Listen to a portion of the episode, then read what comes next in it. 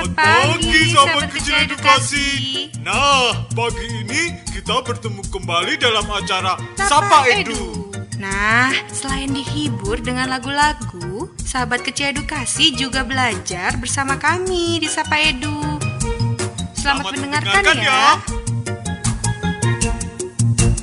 Assalamualaikum warahmatullahi wabarakatuh. Halo, selamat pagi sahabat edukasi Jumpa lagi bersama saya Kak Anggi dalam acara Sapa Edu. Ngomong-ngomong apa kabar? Sahabat kecil edukasi semua pagi ini? Mudah-mudahan kalian semua selalu dalam keadaan sehat walafiat ya. Dan jangan lupa tetap jaga kesehatan makan makanan bergizinya jangan lupa minum susunya ya jangan sampai ketinggalan. Dan yang terpenting kalau di pagi hari itu jangan sampai nggak sarapan ya sahabat kecil edukasi pokoknya walaupun sedikit kalian harus tetap sarapan oke? Nah ngomong-ngomong tentang yang namanya semangat terus juga tentang motivasi belajar tentunya berkaitan sekali dengan yang namanya kecerdasan sahabat kecil edukasi ya pagi ini Kak pengen ngobrol-ngobrol nih tentang yang namanya kecerdasan menjemuk pada anak. Hmm apa itu Kanggi? Nanti kita bahas bersama yang pasti ya. Dan untuk adik-adik semua yang mau mendengarkan suara edukasi terus, pastinya kalian bisa mendengarkan kami melalui streaming Suara Edukasi ya, melalui web di suaraedukasi.kemdikbud.go.id atau bisa juga melalui aplikasi televisi edukasi ya. Dan kalian juga bisa download podcast Suara Edukasi melalui aplikasi Spotify, oke? Dan jangan ke mana-mana, setelah yang satu ini Kanggi akan segera kembali. Sahabat kecil edukasi semua, nah ngomong-ngomong tentang yang namanya kecerdasan majemuk, sahabat kecil edukasi tahu nggak ya? Apa sih kecerdasan majemuk itu? Itu? Ya, kecerdasan majemuk adalah pendekatan perkembangan dalam belajar yang ditandai dengan tumbuh dan kembang anak. Nah, kecerdasan diartikan juga sebagai kemampuan belajar dari pengalaman dan juga ilmu untuk beradaptasi dan menyesuaikan diri dengan lingkungan. Jadi tolak ukur kecerdasan tidak hanya dinilai dari kecakapan logikanya, terus juga nilai IQ-nya, terus kepandaian di bidang akademik, tetapi juga bisa dari uh, kecerdasan majemuk ini. Apa sih kecerdasan majemuk itu ada apa aja gitu ya macamnya. Nanti kita bahas bersama ya. Yang pasti sahabat kecil edukasi semua jangan ke mana-mana. Tetap duduk yang manis di sini. Dan untuk kalian yang ingin mendengarkan streaming suara edukasi bisa langsung klik laman suaraedukasi.kemdikbud.go.id atau melalui aplikasi televisi edukasi. Dan kalian juga bisa download podcast program acara Suara Edukasi melalui aplikasi Spotify. Jadi, tetap bersama kami ya, sahabat kecil edukasi. Ngomong-ngomong tentang yang namanya kecerdasan majemuk, kecerdasan anak tidak hanya diukur dari kemampuannya memahami dan menyelesaikan soal logika dan matematika aja nih, atau melalui skor IQ-nya yang tinggi gitu ya. Tapi kecerdasan majemuk anak juga perlu menjadi perhatian. Nah, apa sih kerjasama majemuk itu? Makanya pagi ini kita sudah bergabung bersama Kak Fabiola. Nah, nanti kita ngobrol-ngobrol banyak ya dan langsung tanya-tanya nih ke Kak Fabiola. Halo, selamat pagi Kak. Assalamualaikum. Selamat pagi, Waalaikumsalam warahmatullahi.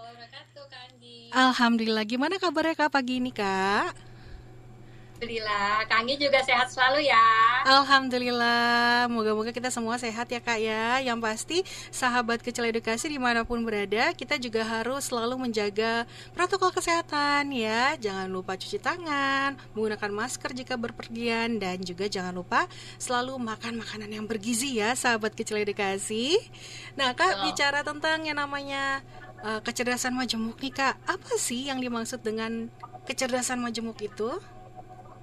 Ya, kecerdasan majemuk adalah adanya beberapa macam kecerdasan dalam diri uh, seorang anak. Hmm. Jadi setiap anak itu punya macam-macam uh, jenis kecerdasan nih Kak Anggi sebenarnya. Ya. Baik. Jadi macamnya itu apa aja nih Kak? Kecerdasan ya, biar itu. Kita, kita singkat aja ya. Hmm. I I I. Hmm. L L MN mm-hmm. sama BFV. Jadi ada sembilan. Ada sembilan. Ya, yang pertama. Apa itu? I-nya mm-hmm. personal, intrapersonal, uh-huh. matematika, linguistik, kemudian body kinestetik, mm-hmm. Dan juga um, ada eksistensial, dan visual spasial. Oke, bisa dijelaskan kak? Dua Uh-huh. Kak, ada Uh-huh. musikal sama realistik. Oke. Ya. Ya, bisa dijelaskan kak? Oke, satu-satu dulu ya. Iya. Kalau I yang pertama itu itu intrapersonal. Mhm. nah, kalau intra itu dari ke diri sendiri ya. Jadi Mhm. kecerdasan untuk memahami diri sendiri nih Kak Anggi. Iya. Jadi paham misalnya apa kekuatan dan kelemahan yang dimiliki diri sendiri. Mhm. Nah, kalau interpersonal Iya. kebalikan Mhm. pemahaman untuk orang lain. Mhm. Jadi mudah berempati, merasakan apa yang orang lain butuhkan, orang lain rasakan, seperti itu. Jadi kalau interpersonal biasanya temennya banyak nih Kak Anggi. Iya. Nah, kemudian yang kedua L yang kedua ya. L yang kedua, ada matematika Mhm. itu eh, adalah kecerdasan untuk memahami angka, simbol, klasifikasi, jumlah dan lain sebagainya. Mhm. Kemudian ada lagi itu L-nya linguistik. Mhm. Nah, itu adalah kecerdasan bahasa. Jadi anak-anak yang memiliki kecerdasan bahasa, Mhm. nah, mereka mengekspresikan dirinya melalui kata-kata, Iya. cerita. Mhm. Nah, jadi biasanya eh, lancar sekali kalau misalnya mengungkapkan isi hati dalam bentuk eh, lisan seperti itu. Nah, kemudian ada lagi yang M ya. Mhm. M itu musikal. Nah, Hmm. jadi anak-anak yang cerdas musik ini uh, biasanya pendengarannya sangat peka nih dalam membedakan beberapa jenis suara. Mhm. Jadi misalnya ibunya di belakang lagi masak, ih mama pakai panci ya, habis itu pakai wajan ya. Iya. Peka sekali peka sekali terhadap aneka bunyi. Nah, Betul. mengekspresikannya juga biasanya dalam bentuk lagu, Mhm. uh, lirik, Mhm. sebagainya. Nah, kemudian ada lagi N. Nah, N ini adalah anak-anak yang cerdas naturalis ya. Mhm. Jadi se- uh, hujan udah paham nih, udah mendung nih gitu. Mhm. Jadi uh, apa ya siklus alam, kemudian musim, Mhm. kemudian nama-nama tanaman. Nah, itu tuh semua udah pasti lebih canggih dibandingkan anak-anak yang tidak memiliki kecerdasan uh, naturalis. Mhm. Nah, kemudian B-nya itu adalah body kinestetik. Mhm. Nah, ini adalah anak-anak yang mengekspresikan dirinya melalui gerakan. Nah, jadi kalau misalnya belajar berenang, sepeda, itu nggak usah diajarin, udah bisa sendiri. Oke, otodidak ya kak ya. Mhm. Ya, mm-mm. Kemudian kalau main pulang-pulang kantongnya penuh batu-batu, daun kering. nah, kemudian ada lagi itu eh, M. Mhm. Eh udah ya tadi MN, Iya. kemudian eh, BEV itu tadi boleh kinestetik, E itu adalah eksistensial. Mhm. Nah, eksistensial ini adalah anak-anak yang sangat mudah memahami aturan nih, Kak Anggi. Jadi kalau kita ajak bertamu, Mhm. eh, udah paham gitu apa yang harus dilakukan, menjaga usapan santun, memahami eh, hubungan dirinya dengan eh, lingkungan apa sekitar, dengan Iya. alam, gitu. Nah kemudian eh, yang terakhir itu adalah V ya. Mhm. V itu adalah visual spasial. Mhm. Nah ini adalah anak-anak yang mengekspresikan dirinya melalui gambar nih, Kak Anggi Gambar, oke.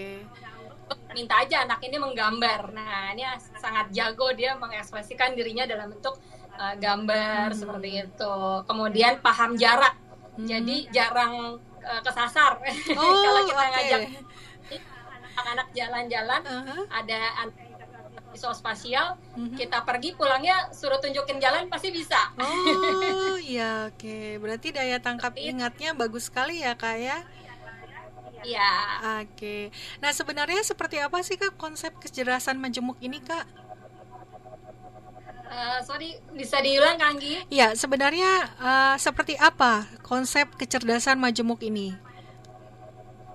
Ya, konsepnya adalah bahwa setiap Hmm. anak itu bisa memiliki satu atau lebih dari kecerdasan. Jadi Mhm. pemahamannya adalah eh, jangan sampai eh, orang tua tuh merasa bahwa kalau anaknya tidak bisa berhitung bukan Ya. berarti tidak cerdas. Ya. Bisa jadi eh, memiliki tadi Ya. kesembilan aspek delapan aspek kecerdasan lainnya. Oke. Seperti Iya, berarti semua anak memiliki kecerdasan majemuk ya kak?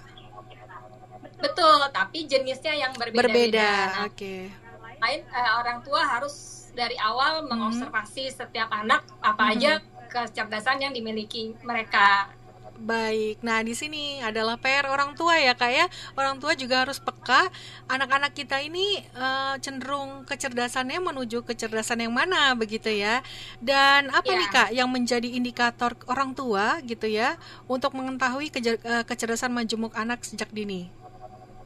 Ya, yang pertama orang tua perlu memahami milestone anak. Mhm. Jadi misalnya uh, usia berapa sih anak itu biasanya sudah bisa uh, berkata-kata gitu Ya. ya, Uh, dua atau tiga kata. Biasanya umur dua tahun Mhm. sekitar dua atau tiga kata. Mhm. Nah, anak-anak yang cerdas bahasa bisa jadi lebih cepat. Oh, oke. Kemudian pemahaman kata-katanya lebih kaya Mhm. seperti itu. Anaknya uh, banyak bercerita. Oke. Nah, itu biasanya cerdas bahasa. Atau Mhm. yang misalnya artificial intelligence-nya uh, umur 3 tahun baru bisa menggambar misalnya lingkaran atau uh, garis lurus. Mhm. Nah, anak yang cerdas visual mungkin sudah bisa mem- apa, membentuk Mhm. uh, bentuk geometri lainnya misalnya Mhm. gitu.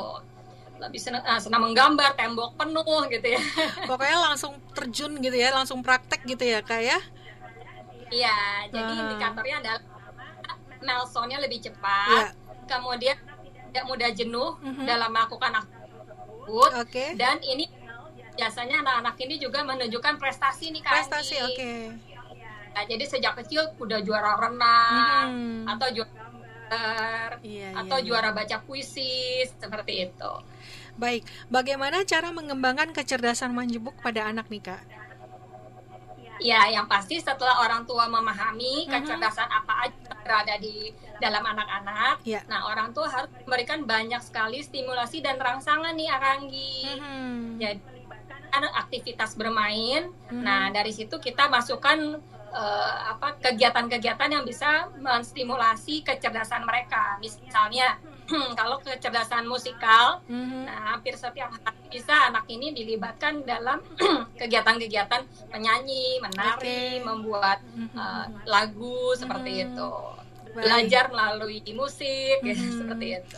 Jadi orang tua harus tahu dulu minat si anaknya di mana, kemudian eh, disalurkan begitu ya bahasanya ya kak ya. Bi- jadi dari situ bisa dilihat si anak nih sebenarnya kemampuannya di bidang itu atau enggak gitu ya. Ada Iya. prestasi nggak di bidang itu begitu ya. Nah kak, Ya. setiap anak itu kan kecerdasannya berbeda-beda nih ya. Nah sebenarnya di usia berapa sih kecerdasan majemuk ini pada anak bisa dilihat oleh orang tuanya?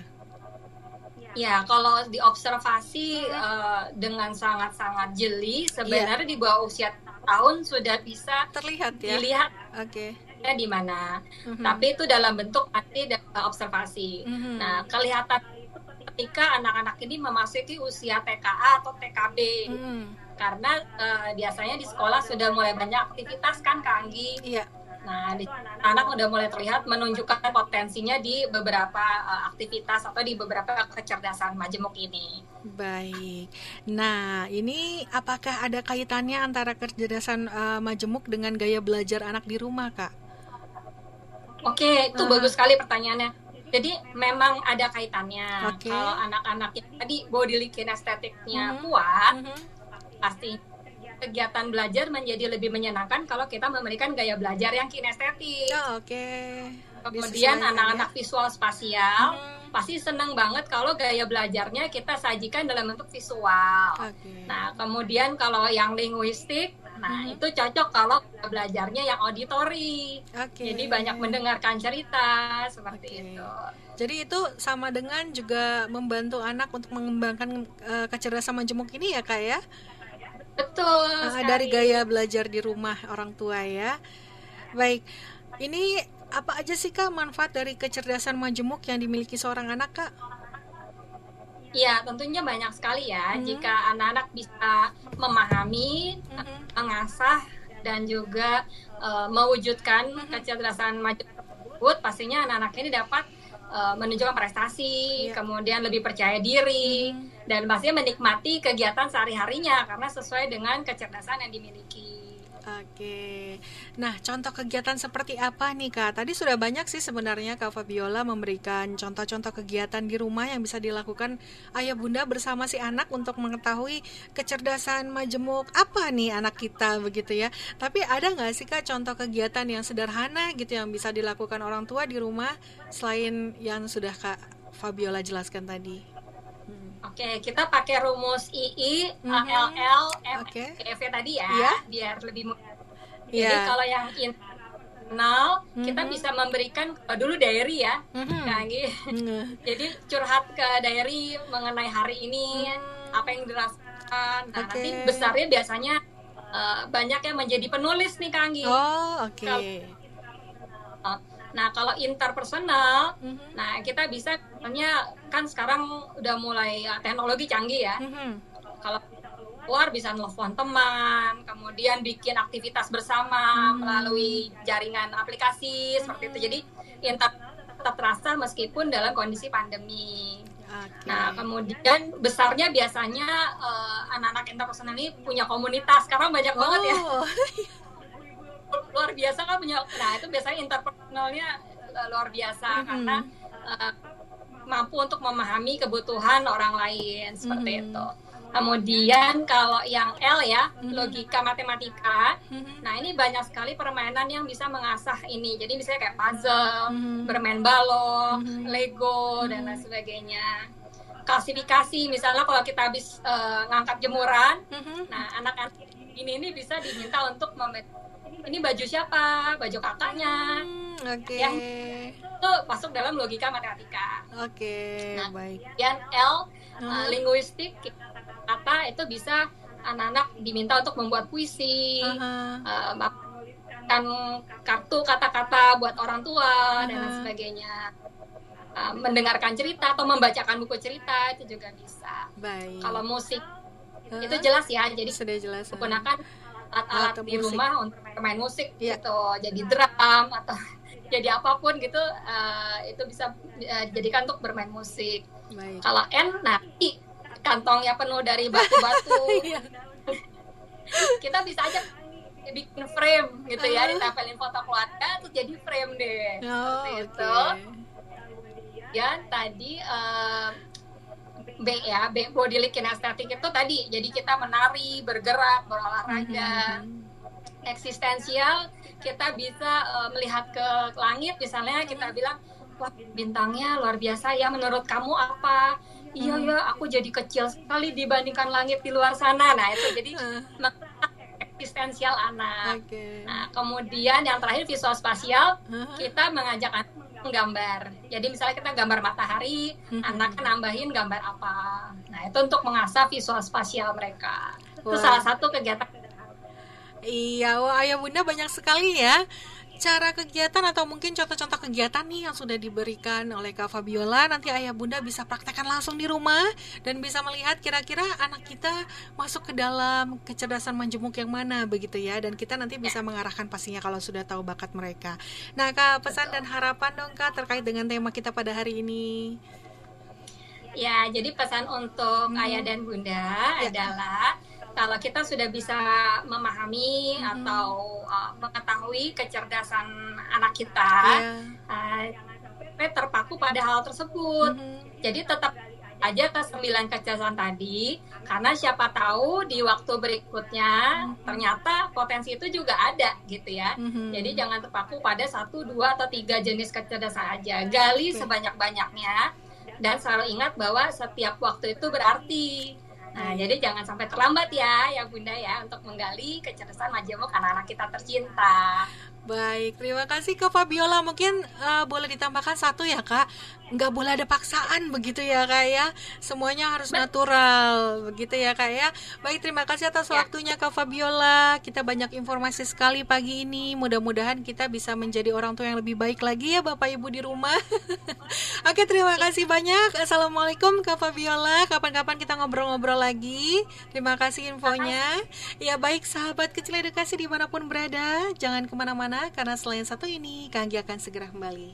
Sahabat kecil edukasi semua, wah bagus ya puisinya untuk adik-adik semua yang punya karya mau baca puisi atau mungkin mau nyanyi boleh atau mungkin mau mendongeng boleh juga ya pastinya. Dan untuk adik-adik yang mempunyai karya tersebut atau karya yang bisa diaudiokan bisa langsung ya dikirim ke Suara Edukasi. Nanti insya Allah kita siarkan dan kita putar selalu ya. E, caranya gimana sih Kak Anggi? Adik-adik bisa kirim langsung ya uh, jangan lupa nanti format audionya atau format filenya dalam bentuk audio MP3 ya, sahabat kecil edukasi. Dan kirim ke email suaraedukasi uh, 1440 at gmail.com Sekali lagi bisa di suaraedukasi 1440 at gmail.com Atau bisa melalui WhatsApp juga langsung kirim aja karya kalian ke 0813 2526 1440 ya. Jangan lupa nih sahabat kecil. Wah, dengan begitu kan uh, di masa pandemi ini bukan suatu halangan ya untuk selalu berkarya ya. Apalagi kalau misalnya karyanya bisa di-share ke kami. Wah, pastinya bisa kami putarkan di radio ya dan bisa menjadi motivasi untuk sahabat kecil lainnya. Baik, Kembali ke pembahasan kita pada hari ini yaitu tentang yang namanya kecerdasan majemuk ya. Yuk kenali lebih jauh mengenai macam kecerdasan majemuk dan bagaimana uh, untuk bisa mengembangkannya gitu ya. Nah, salah satunya ada kecerdasan verbal linguistik. Nah, kecerdasan majemuk verbal linguistik ini melibatkan kemampuan berbahasa melalui membaca misalnya, menulis, berbicara, memahami urutan dan juga makna-makna kata gitu ya, serta menggunakan bahasa dengan baik dan benar. Anak yang memiliki eh, kecerdasan ini tentunya ya Bunda bisa dalam bidang bahasa ya dilihatnya ya dan juga mudah mengingat informasi verbal dan juga tertulis dan suka menulis eh, dan juga suka membaca biasanya nih. Nah, yang menonjol biasanya anak dengan kecerdasan majemuk verbal linguistik ini jago banget berdebat ayah bunda dan juga pidato ya. Jadi kadang-kadang si anak suka melontarkan humor juga di tengah-tengah obrolan gitu ya dan bisa menjelaskan sesuatu dengan baik. Nah kira-kira anak kita uh, termasuk dalam kecerdasan verbal linguistik ini bukan ya? Kecerdasan dalam berbahasanya bukan ya? Nah jadi ayah bunda di rumah bisa mengembangkannya atau merangsang kecerdasan menjemuk ini pada anak dengan membacakan dongeng, mengajarkan kata-kata baru, kemudian minta si kecil mengarang cerita atau menulis dan juga membacakan puisi misalnya seperti Kirana tadi ya dan juga menulis buku harian atau berbincang tentang apa yang bisa ia lakukan di sekolah. Wah, ini menarik sekali Ayah Bunda ya. Tadi juga sudah dijelaskan banyak sekali oleh Kak Fabiola informasinya mengenai anak uh, yang mempunyai kecerdasan dalam berbahasa ini. Jadi bagaimana cara mengembangkannya dan kira-kira kita harus peka terhadap apa begitu ya. Baik sahabat kecil edukasi jangan ke mana-mana tetap bersama Sapa Edu ya sahabat edukasi dan untuk kalian yang ingin mendengarkan streaming suara edukasi bisa terus dengerin laman suaraedukasi.kemdikbud.go.id atau melalui aplikasi televisi edukasi dan juga kalian bisa mendownload podcast program acara Suara Edukasi melalui aplikasi Spotify. Jadi tetap bersama kami. Masih bersama Kang di sini dalam acara Sapa Edu, sahabat kecil edukasi. Ya, tentunya sahabat kecil edukasi harus selalu mendengarkan kami ya. Dan untuk kalian yang mau mendengarkan kami melalui streaming Suara Edukasi, bisa langsung klik aja di laman suaraedukasi.kemdikbud.go.id atau melalui aplikasi televisi edukasi ya. Dan kalian juga bisa download podcast program acara Suara Edukasi loh melalui aplikasi Spotify. Baik, kembali ke pembahasan kita pada hari ini yaitu kecerdasan majemuk ya ya Bunda. Yuk kita kenali lebih jauh mengenai macam, kecerdasan majemuk, dan bagaimana cara merangsang berbagai kecakapan tersebut gitu ya. Dan tadi kita sudah membahas tentang kecerdasan verbal linguistik ya bunda. Jadi kecerdasan berbahasa si anak gitu ya.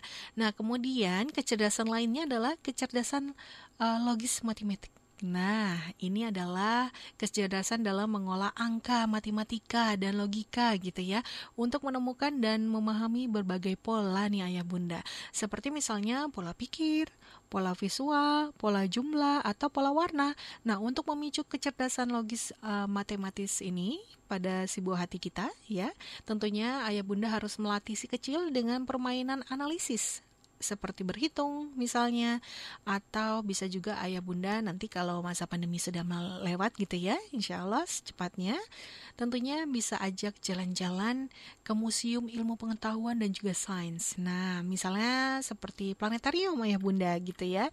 Nah di sini nanti ayah bunda bisa melihat anak kita termasuk anak yang mempunyai kecerdasan dalam mengolah angka kemudian matematika atau mungkin logika untuk menemukan dan memahami, memahami berbagai pola bukan ya?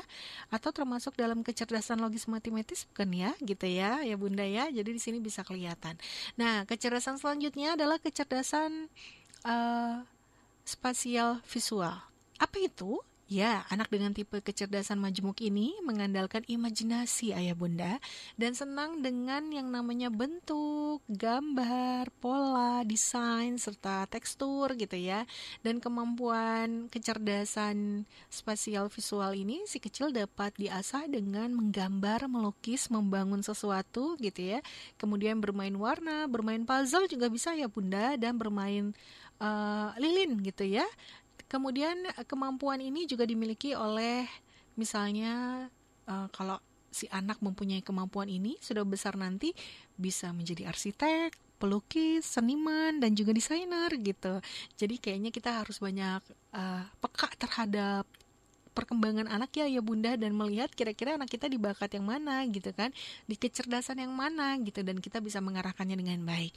Nah penelitian juga menunjukkan bahwa anak yang dilatih untuk mengembangkan spasial visual ini memiliki kemampuan mengingat uh, atau mempunyai memori gitu ya yang sangat luar biasa sekali ayah bunda. Dan menalara apa penalaran logikanya tuh sangat baik sekali gitu. Jadi sekali lagi uh, bakat dan kemauan anak pasti ayah bunda yang lebih peka dan lebih tahu ke mana anak kita maunya, apa yang disukai oleh si anak, dan yang pasti nggak boleh ada paksaan. Ya ayah bunda, harus natural, dan kalau sudah tahu, bisa langsung dikembangkan atau bisa langsung disalurkan gitu ya. Misalnya mengikuti les disesuaikan dengan bakatnya atau terus dilatih di rumah gitu ya. Mudah-mudahan dari bakat tersebut dari kecerdasan si anak ini bisa dikembangkan lagi menjadi bakat yang bisa diperlombakan misalnya atau bisa juga menjadi prestasi si anak begitu ya. Jadi tentunya harus ada dukungan juga dari ayah dan bunda. Baik, setelah yang satu ini, sampai dua akan segera, eh, segera kembali ayah bunda. Yang pasti untuk sahabat kecil edukasi jangan ke mana-mana, tetap duduk yang manis ya bersama Sapa Edu. Sahabat kecil edukasi, pastinya kita harus terus menjaga protokol kesehatan ya. Selalu menggunakan masker setiap mau berpergian. Jangan lupa sering-sering cuci tangan dan yang pasti harus menjaga makan makanan bergizi ya. Dan itu pastinya harus kita terapkan setiap hari. Jangan sampai kendor sahabat kecil. Kita lawan bersama virus-virus yang nakal itu ya. Mudah-mudahan pandemi ini uh, segera berakhir ya sahabat kecil dan tentunya pemerintah segera menemukan vaksinnya. Amin. Nah, bicara tentang yang namanya masa pandemi, terus juga tentang protokol kesehatan berkaitan juga dengan yang namanya olahraga nih sahabat kecil dikasih. Siapa di antara sahabat kecil dikasih semua yang suka banget sama yang namanya olahraga? Wah, pasti banyak ya. Nah, ini juga berkaitan sekali dengan yang namanya kecerdasan majemuk, sahabat kecil dikasih. Karena salah satu macam atau jenis kecerdasan majemuk yaitu kecerdasan kinestetik atau jasmani. Nah, kecerdasan ini melibatkan kemampuan dalam koordinasi anggota tubuh ya, dan juga keseimbangan. Jadi, adik-adik yang memiliki kecerdasan kinestetik dan jasmani ini senang melakukan berbagai aktivitas fisik, misalnya seperti naik sepeda, menari, dan juga olahraga gitu ya. Dan juga biasanya mungkin merasa agak-agak nggak bisa diem gitu ya ya bunda ya dalam waktu yang lama dan mudah bosan begitu. Nah tentunya ayah bunda dapat membantu mengajari kecakapan ini dengan memasukkannya ke dalam lestari misalnya ya bunda atau klub olahraga gitu ya. Misalnya bermain lempar atau tangkap uh, bola juga boleh di rumah. Dan ini bisa merangsang atau bisa mengembangkan kecerdasan kinestetik dan jasmaninya yang ia miliki begitu ya ya bunda. Jadi tentunya kembali lagi kita harus tahu bakat si anak dalam uh, bidang apa gitu. Misalnya olahraga renang. Nah, kita bisa masukkan ke les renang gitu ya atau lebih ke tari nih kayaknya anak kalau misalnya denger musik tuh langsung goyang gitu ya. ya, kita bisa masukin anak kita ke les tari itu ayah bunda ya. Jadi memang banyak sekali uh, macam kecerdasan uh, majemuk yang dimiliki anak gitu ya. Seperti Kak Fabiola bilang tadi, setiap anak pasti memiliki kecerdasan majemuk, hanya saja jenis dan macamnya itu berbeda-beda. Nah, selanjutnya nih ayah bunda, kalau misalnya ayah bunda semua uh, seneng sama yang namanya musik, ada juga yang namanya kecerdasan musikal ayah bunda. Nah, nggak hanya dapat memainkan alat musik atau mendengarkan lagu, Anak yang memiliki kecerdasan ini juga mampu memahami dan juga membuat melodi loh ayah bunda, misalnya seperti irama, nada gitu ya. Terus juga bisa membuat musik sendiri biasanya dan ke uh, dan ketukan-ketukannya tuh menjadi sebuah musik gitu ya. Jadi kecerdasan musikal dapat diasah dengan memberi anak berbagai pilihan jenis musik nih ayah bunda. Kemudian ayah bunda bisa menganalisis perbedaan, uh, maksudnya kira-kira si anak nih sukanya alat musik yang mana begitu ya. Lebih dominan bisa mainnya alat musik yang mana begitu. Atau mungkin lebih ke vokal aja. Jadi uh, kita harus peka terhadap anak yang memiliki kecerdasan musikal juga biar kita nggak salah untuk mengarahkannya. Begitu ayah bunda ya. Baik ayah bunda setelah yang satu ini pastinya kami akan segera kembali dan untuk sahabat edukasi di mana pun berada yang ingin mendengarkan kami terus melalui streaming bisa langsung klik laman soreedukasi.kemdikbud.go.id atau melalui aplikasi televisi edukasi ya. Dan kalian juga bisa loh download podcast program acara Sore Edukasi melalui aplikasi Spotify. Baik, tetap duduk yang manis ya, sahabat kecil edukasi, sahabat kecil edukasi dan ayah bunda. Yuk sama-sama kita kenali lebih jauh lagi mengenai macam atau jenis kecerdasan majemuk dan bagaimana sih cara mengembangkan atau merangsang berbagai kecakapan atau kecerdasan majemuk ini begitu ya.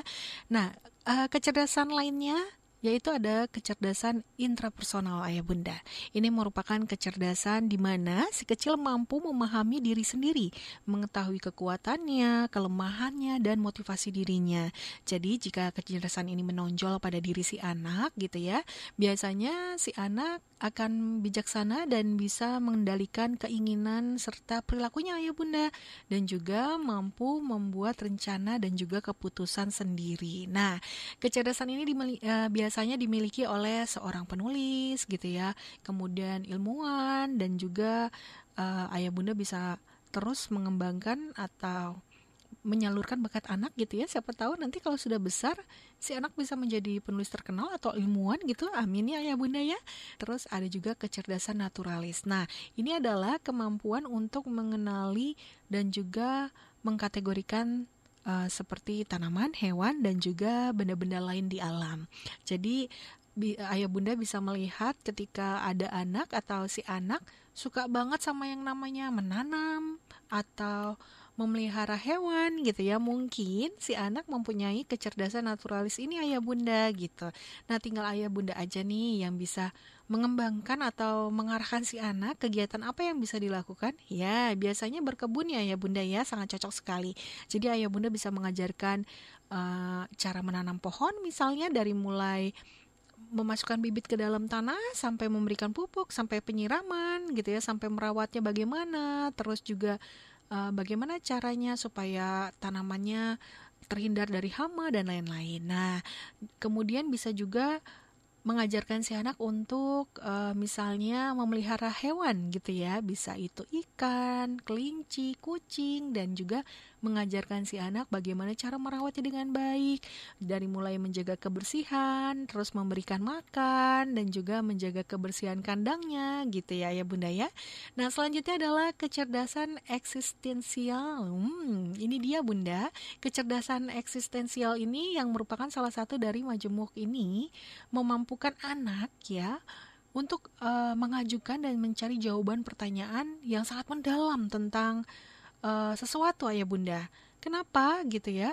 Misalnya ketika ayah bunda melakukan sesuatu, mungkin misalnya ketika ayah bunda uh, mengganti lampu bohlam yang mati gitu di rumah atau ayah gitu ya. Terus si anak ini pertanyaan tuh banyak padahal judulnya adalah mengganti bohlam yang mati gitu ya dengan bohlam yang baru. Tapi si anak ini pertanyaannya misalnya kenapa kok bohlam ini bisa mati ayah atau bunda? Uh, kenapa kok uh, lampu ini kalau dipasang misalnya uh, disambungkan dengan listrik bisa menyala?